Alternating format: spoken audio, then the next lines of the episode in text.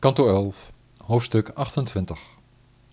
Jnana Yoga, of de aanduiding en het werkelijke. De Allerhoogste Heer zei: Als men de kosmos, deze combinatie van materie en persoon, beziet als bestaande uit één enkel zelf, als de absolute waarheid, moet men ervan afzien de aard en handelwijze van iemand anders te prijzen of te kritiseren. Hij die de aard en handelingen van iemand anders prijst of kritiseert, verliest snel zijn ware eigenbelang van zelfverwerkelijking uit het oog, omdat hij daarmee vasthoudt aan het onware van de wereld der tegenstellingen.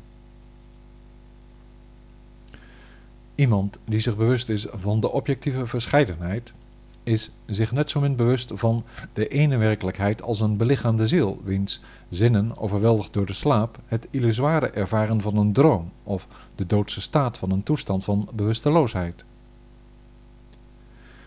Wat is nu goed of wat is nu kwaad in deze onwerkelijke, misleidende, materiële dualiteit die, door de geest overwogen en onder woorden gebracht, een valse, ontoereikende voorstelling van zaken oplevert? Hoewel schaduwen, echo's en droogbeelden enkel maar suggestie vormen, geven ze aanleiding tot motieven in de mens. Zo ook geeft het lichaam en wat erbij hoort aanleiding tot materiële voorstellingen, identificaties, die tot op de dag dat men sterft angst inboezemen omdat ze geen houvast bieden. De meester, de Heer, de ziel alleen, manifesteert dit universum en zichzelf, beschermt al het bestaande en zichzelf, en trekt zowel de schepping terug als zichzelf.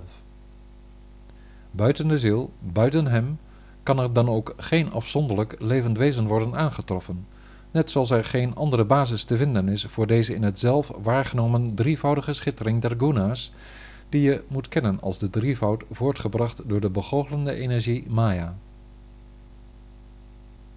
Iemand die, perfect op de hoogte en ervaren, zich bewust is van wat ik nu beschreef, verwijt of prijst niet, denkend aan een andere oorzaak, en beweegt zich door de wereld zo vrij als de zon. Als men door directe waarneming, logische afleiding, schriftuurlijke waarheid en de eigen zelfverwerkelijking er weet van heeft dat dat wat niet essentieel is een begin en een einde heeft, behoort men zich vrij van gehechtheid in deze wereld te bewegen.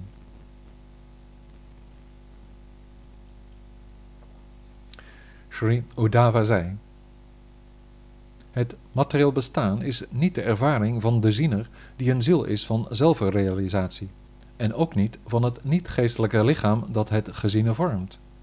Van wie, o Heer, mag die ervaring dan zijn? De onuitputtelijke ziel, vrij van de geaardheden, is net als een vuur zuiver, zelfverlicht en onbedekt, terwijl het materiële lichaam is als brandhout dat van niets weet. Wie van de twee is nu de ervaring eigen van een materieel leven in deze wereld?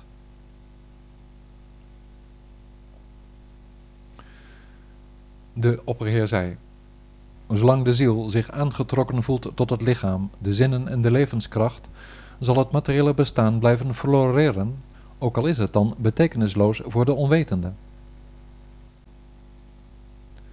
Ondanks dat het niet een eigen doel heeft, houdt de gang door de materie het rad niet op te bestaan en blijft men, als in een droom gevangen, denken over de voorwerpen van de zinnen en de zinloosheid die dat met zich meebrengt maar dat dromen wat iemand die niet wakker is vele ongewenste ervaringen bezorgt in zijn slaap, zal iemand die ontwaakt is geen zins in de war brengen.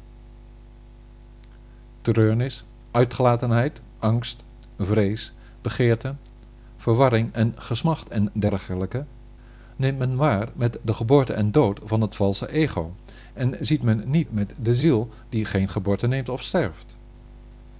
Met de aandacht gericht op het lichaam, de zinnen, de levenskracht en de geest, neemt de zich identificerende individuele ziel, naar gelang de guna's en het karma, zijn gedaante aan in het grote universele zelf.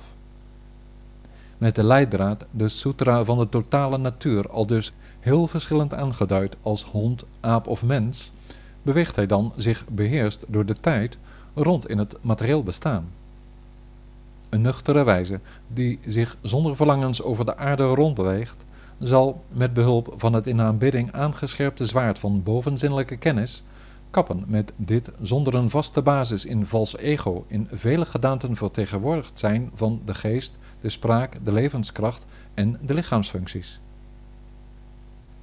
Spirituele kennis, jnana, impliceert het onderscheiden van geest en stof en wordt gevoed door de schrift en boetedoening, persoonlijke ervaring, historische verslagen en logische afleidingen. Zij is gebaseerd op dat wat er is aan het begin, hetzelfde blijft er tussenin, en wat uiteindelijk als enige overblijft van dit scheppingsgebeuren, te weten de tijd en de uiteindelijke oorzaak van Brahman, de absolute waarheid.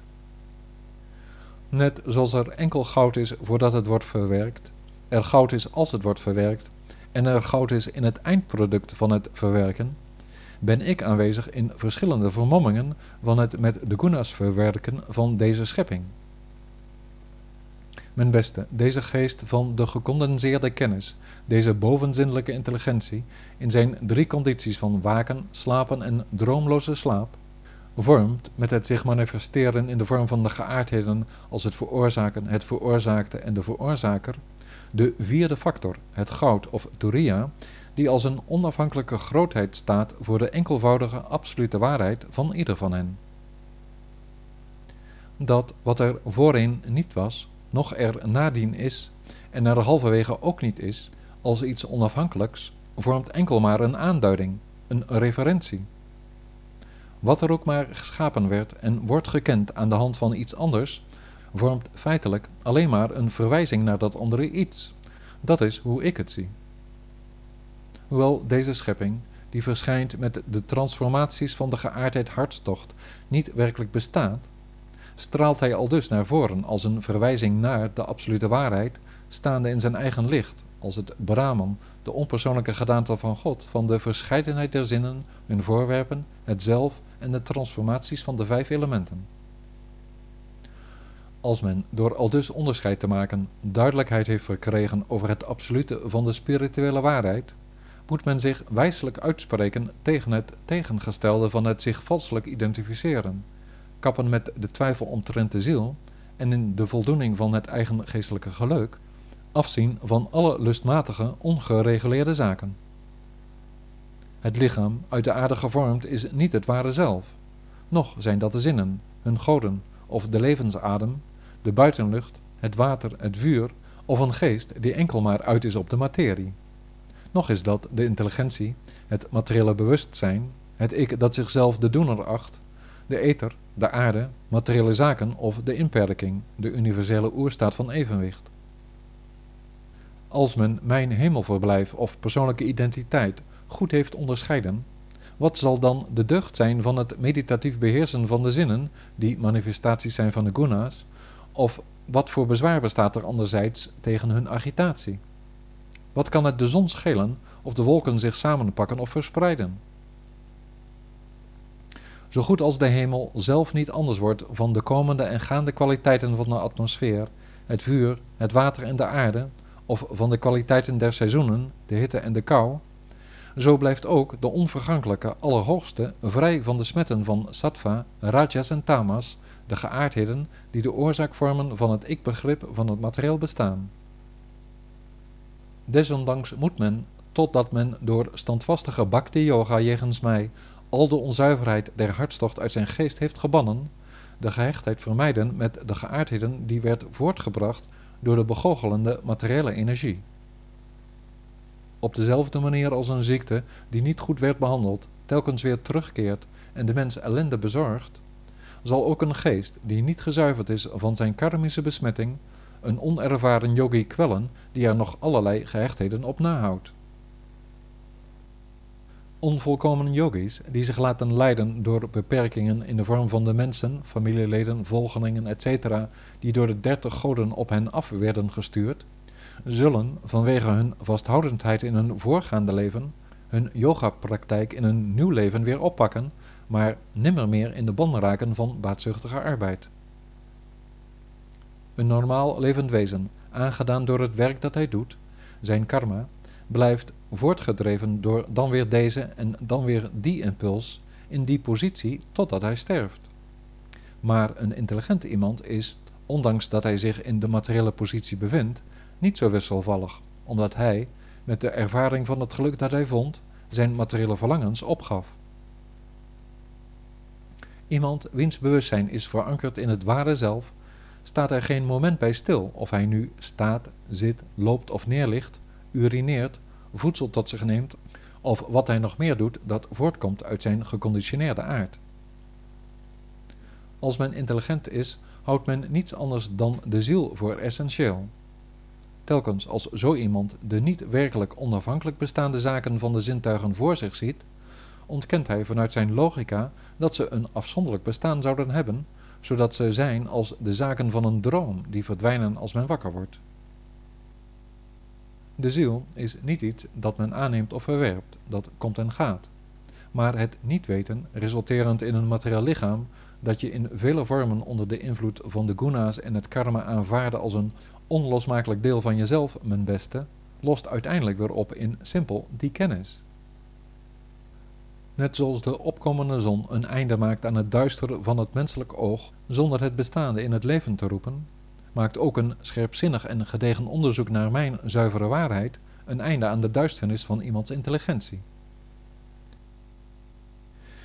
Deze zelfverlichte, ongeboren, onmetelijke grootheid van verstaan, die zich van alles bewust is, is de ene zonder zijns gelijke in wie de woorden hun afronding vinden en door wiens drijvende kracht de spraak en de adem zich bewegen. Welk idee van dualiteit men ook heeft van de opperziel, is niets meer dan een hersenschim. Voor zo'n idee bestaat er geen andere grond dan het eigen geïdentificeerde zelf. De verklaringen in termen van goed en kwaad die de zogenaamde geleerden bieden van de betekenis van deze in namen en vormen waarneembare dualiteit, welke onmiskenbaar is samengesteld uit de vijf elementen, zijn geheel te vergeefs. Het lichaam van een yogi die met een gebrek aan ervaring overgaat tot de yoga-praktijk, kan ten prooi vallen aan zich opwerpende verstoringen. In dat geval is de volgende gedragswijze voorgeschreven. Sommige verstoringen kunnen worden overwonnen door meditatiehoudingen samen met concentratieoefeningen, terwijl men andere de baas wordt met boetedoeningen, mantra's en geneeskrachtige kruiden. Bepaalde nadelige zaken kan men stap voor stap te boven komen door voortdurend aan mij te denken, door hardop of in stilte mijn namen te eren en dergelijke, en door in het voetspoor te treden van de meesters van de yoga. Enkelen onder de yogis houden dit lichaam onder controle en maken het geschikt door zich met behulp van verschillende methoden te richten op de gezondheid en doen oefeningen ter wille van een materiële perfectie. Vanzelfsprekend moet zo'n goede gezondheid niet worden aanbeden als een dergelijke inspanning zinloos is. Wat betreft het lichamelijke is men immers, net als een vrucht aan de boom, onderhevig aan verval. Hoewel het materiële lichaam van iemand die regelmatig aan yoga doet een goede conditie zal krijgen, hecht een toegewijde van mij er geen geloof aan en geeft hij dat soort yoga op na verloop van tijd. De yogi die vrij van verlangens bij mij zijn toevlucht zoekt en dit yoga-proces beoefent, ervaart het innerlijk geluk van de ziel en laat zich niet verslaan door verstoringen.